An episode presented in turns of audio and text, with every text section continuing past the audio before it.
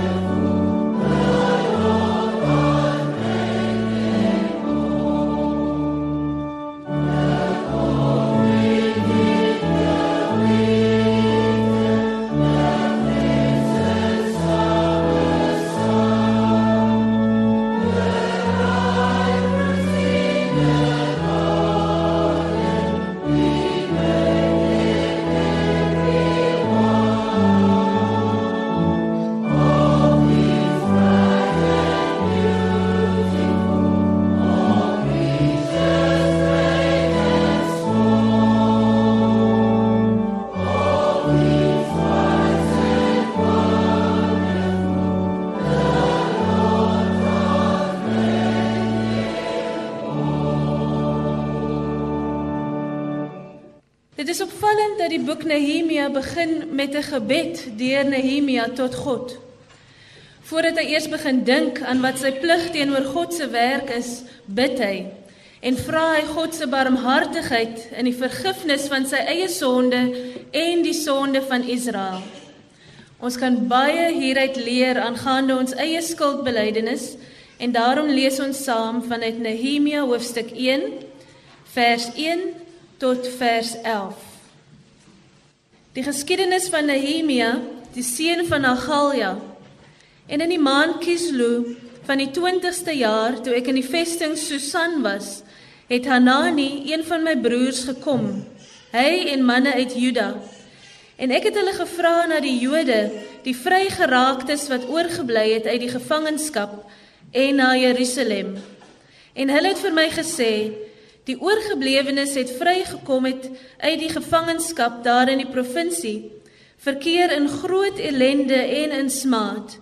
En die muur van Jerusalem lê stikkend en sy poorte is met vuur verbrand.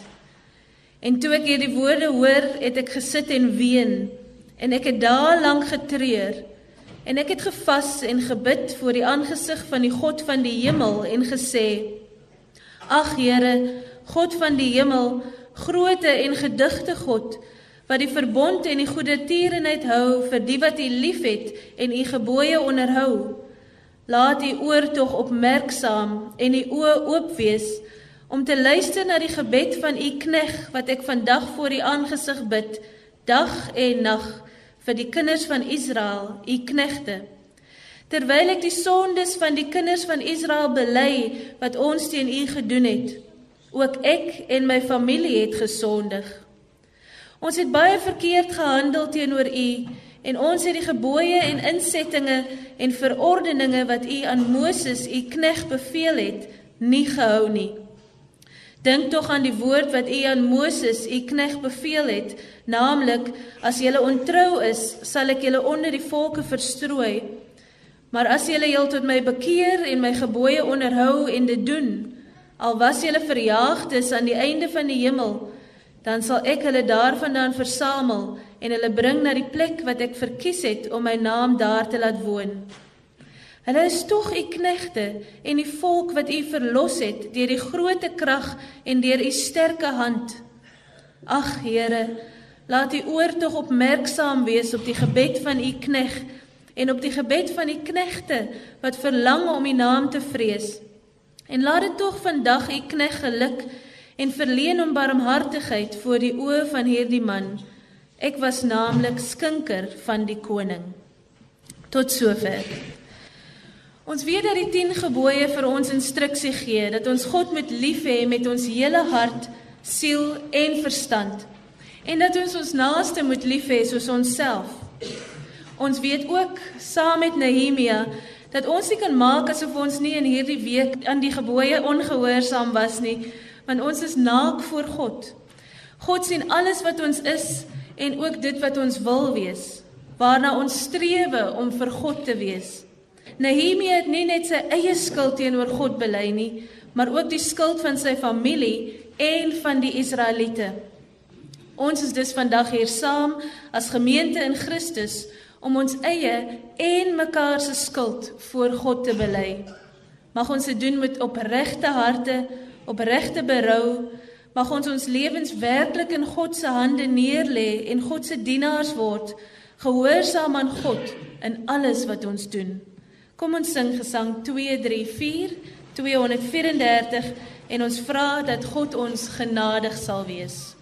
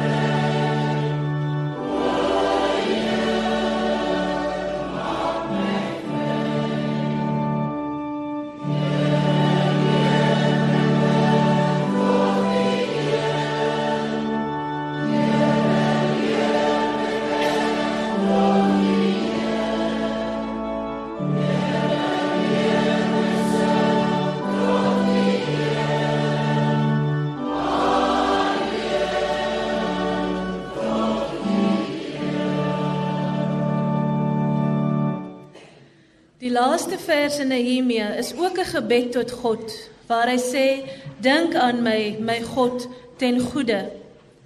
Ons bely met moedigheid ons sondes, want daar is 'n God wat ons nooi om vanuit sy vergifnis te leef. Met harte vol berou bely ons ons skuld. Met harte vol dankbaarheid aanvaar ons God se vergifnis. Kom ons vier nou die vergifnis van God. Kom ons vier die geloof wat ons in God kan hê. Kom ons vier die feit dat ons kan sê dit gaan goed met my siel, met my liggaam, met my wese en ons vier dit deur saam te sing Gesang 226, Gesang 226 slegs die eerste vers. Kom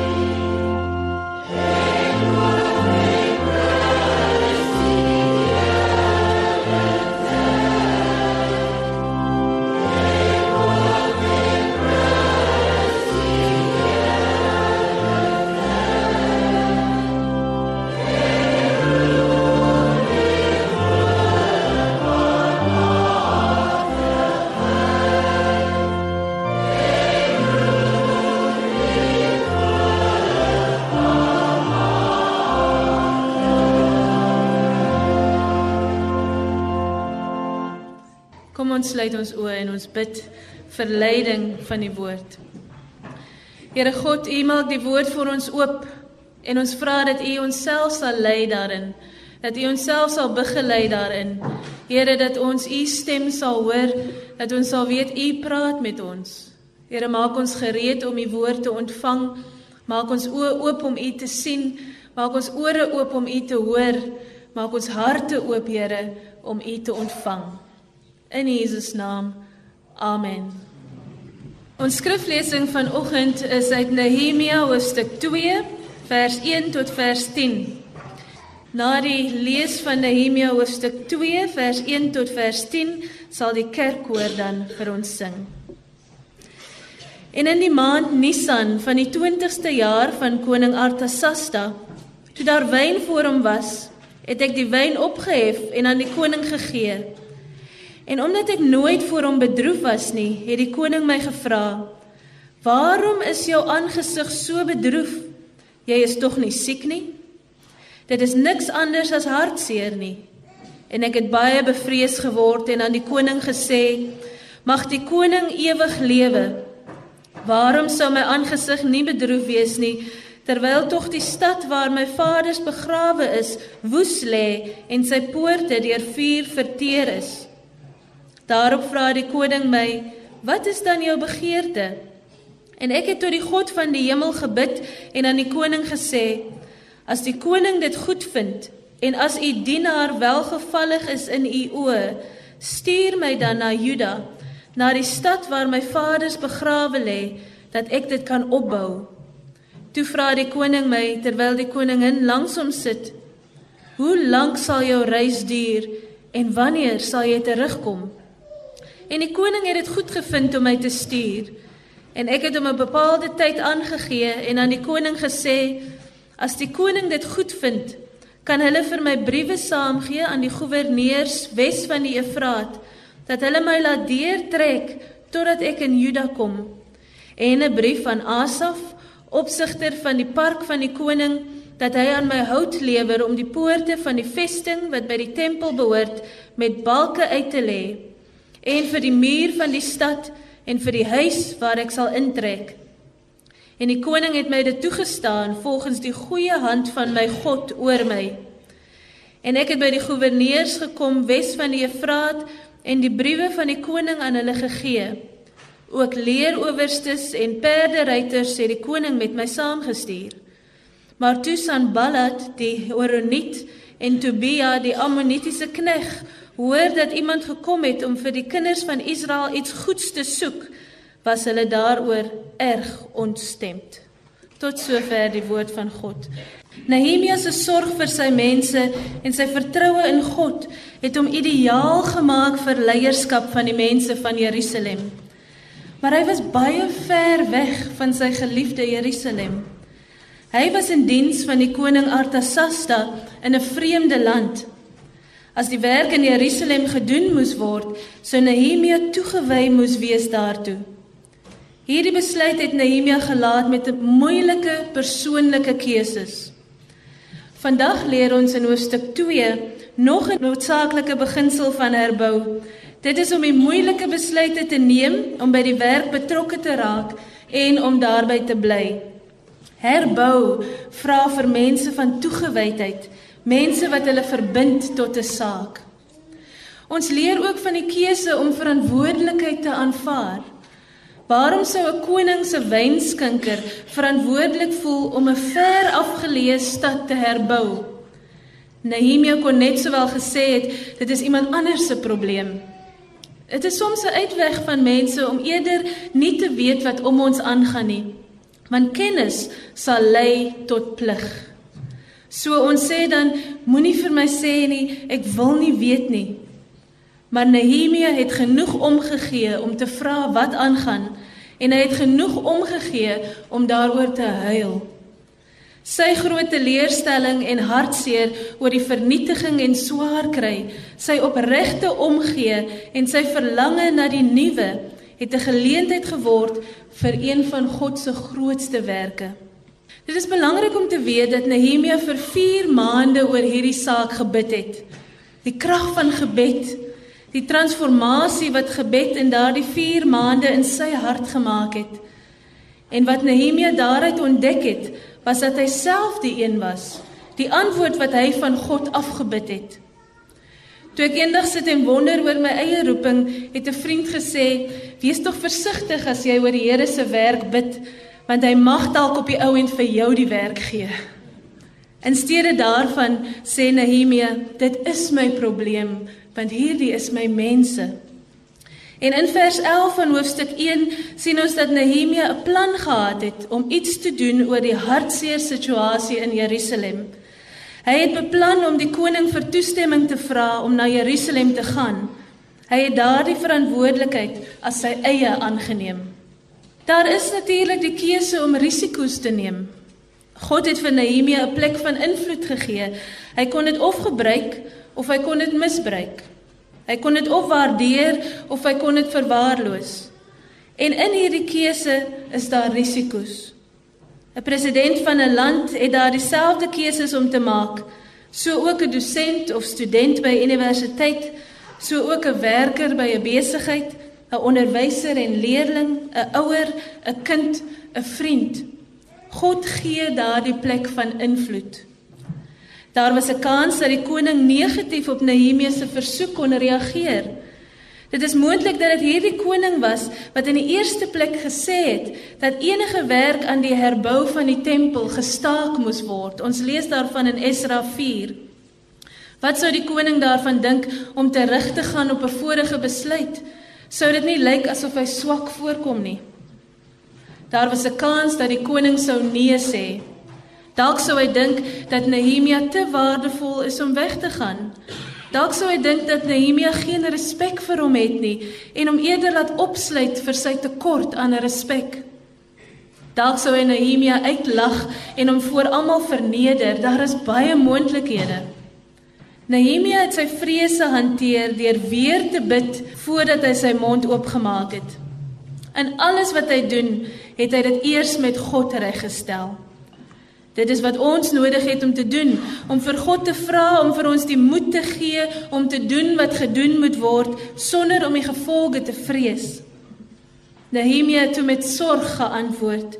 Hy het die kwessie aangespreek soos Ester voor hom gedoen het as 'n persoonlike kwessie, nie 'n bloot politieke een nie.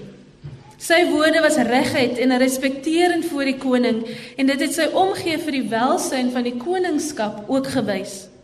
Nou wag ons om te hoor hoe die koning daarop sal reageer.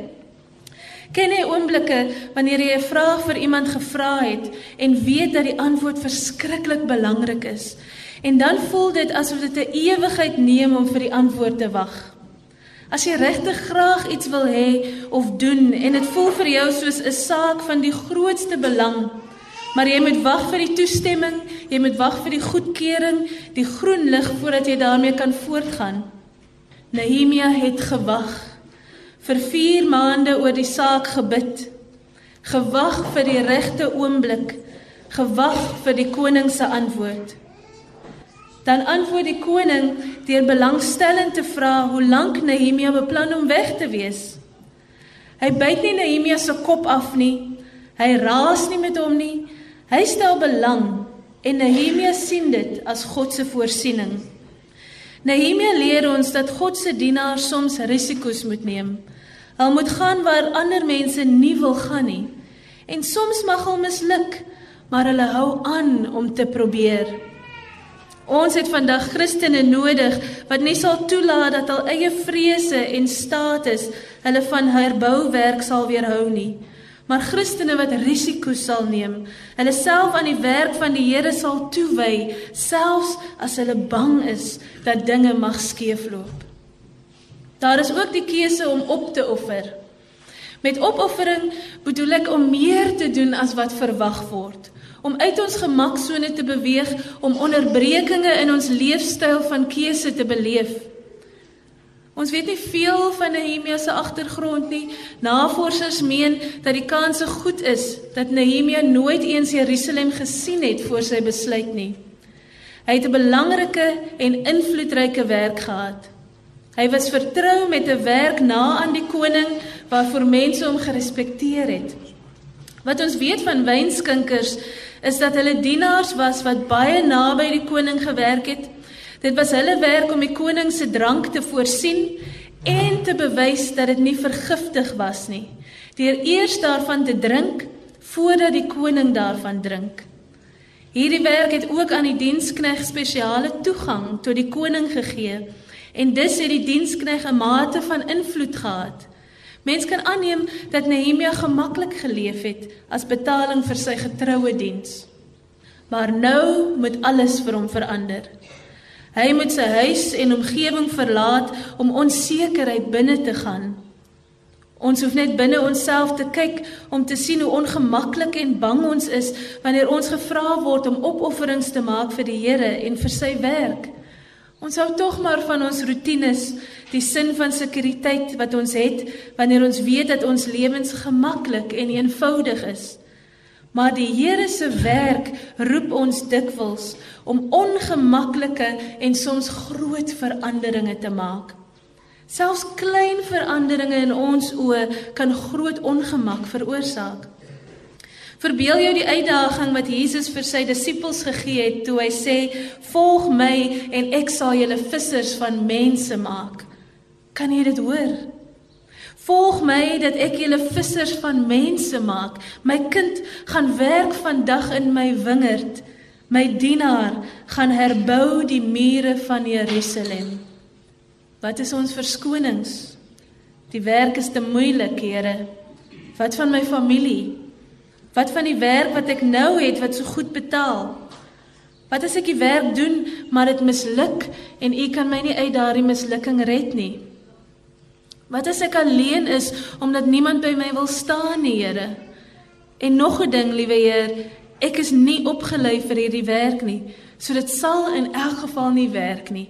Ek is nie toegerus nie. Nehemia se reis sou vele maande neem. Terwyl ander mense hom verwerp het en planne gemaak het om hom dood te maak, het hy gewerk. Terwyl ander mense sy toerusting wou steel en die mure weer afbreek, het hy gewerk. Die Here se werk het tyd van hom gevra en dit vra altyd 'n belegging van tyd van ons. Tyd om te bid, tyd om voor te berei, tyd om planne te maak, tyd om besluite te neem, tyd om die plig met oorgawe uit te voer. Dit het harde werk van Nehemia gevra. Hoeveel werk is ons bereid om in hierdie skepping van God te belê? Hoeveel werk belê ons in ons mense, diere, natuur? As ons nie dinge met een oproep of een probeerslag kan verander nie, gee ons dan op? Laat ons dit in die enigste perspektief plaas wat ons as kerk het. Hoeveel het Jesus Christus in ons elkeen belê? Deur sy gees, woord en sakrament rus hy ons toe vir 'n lewe van diens. As ons dit weet, as ons dit glo, is dit die antwoord op al die tawwe besluite wat ons vir die Here se werk moet neem. Die werke gaan verskil want ons is verskillende mense wat op God se verskillende maniere gebruik word. Ons ken nie Jerusalem nie. Ons weet nie vandag hoe almal se mure lyk en die poorte lyk nie. Ons was nie almal daar nie. Maar ons weet tog van afgebreekte mure, van verwaarlosing, van geweld, van poorte tot die Here se heiligdom wat afgebrand word, dinge wat ons evangeliese erfenis in gevaar stel. Om die Here se werk te doen is om te kies om die welsyn van ander bo my eie welsyn te plaas. In vers 10 lees ons dat twee mans baie ongelukkig was met Nehemia se plan om die mure te herbou. Hulle was kwaad vir God se mense. Hulle was kwaad vir God vir verwerping wat hulle voorheen ervaar het. Hulle het in die herbouwerke einde aan hulle eie mag gesien Maar Nehemia het met 'n ander tipe siening gekom. Sy houding was nie een van hier is ek om die dag te red nie. Dit was eerder een wat eenvoudig gesê het ek wil die beste vir God se mense hê. Ons sien nêrens dat Nehemia die werk doen vir sy eie lof nie. Dit was nie mag, persoonlike lof, status of enige selfsugtige doel wat Nehemia na Jerusalem gebring het nie.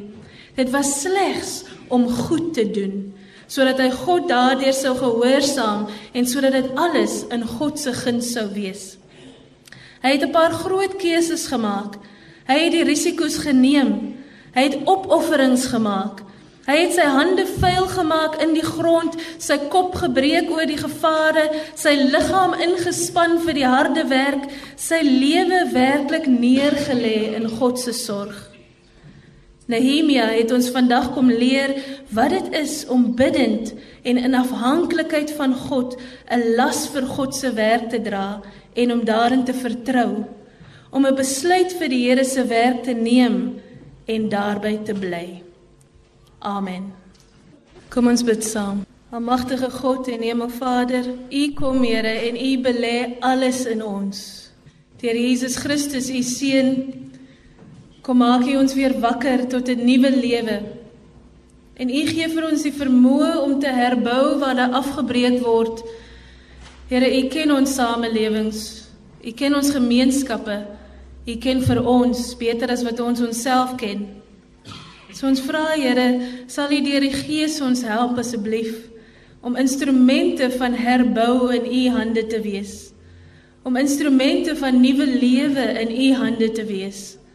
Laat ons die mense wees wat hoop versprei in hierdie wêreld. Wat u genade verkondig aan almal. Wat wys hierdie werk wat ons doen vir u. U is God.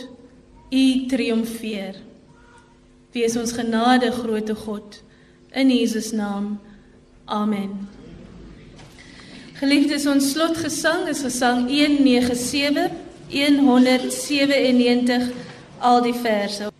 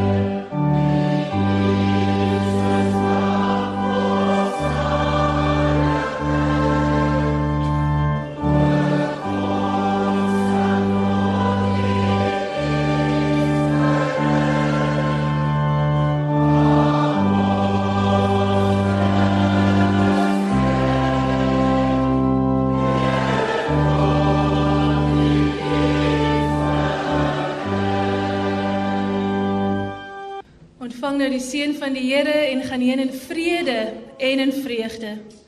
Die Here seën u met die liefde van God die Vader wat nooit sal ophou nie. Die Here seën u met die genade van die Here Jesus Christus wat elke oomblik van elke dag vir u genoeg is. Die Here seën u met die gemeenskap van die Heilige Gees wat u vul met nuwe ywer, wat u vul met 'n roeping, wat u vul met nuwe lewe. Amen.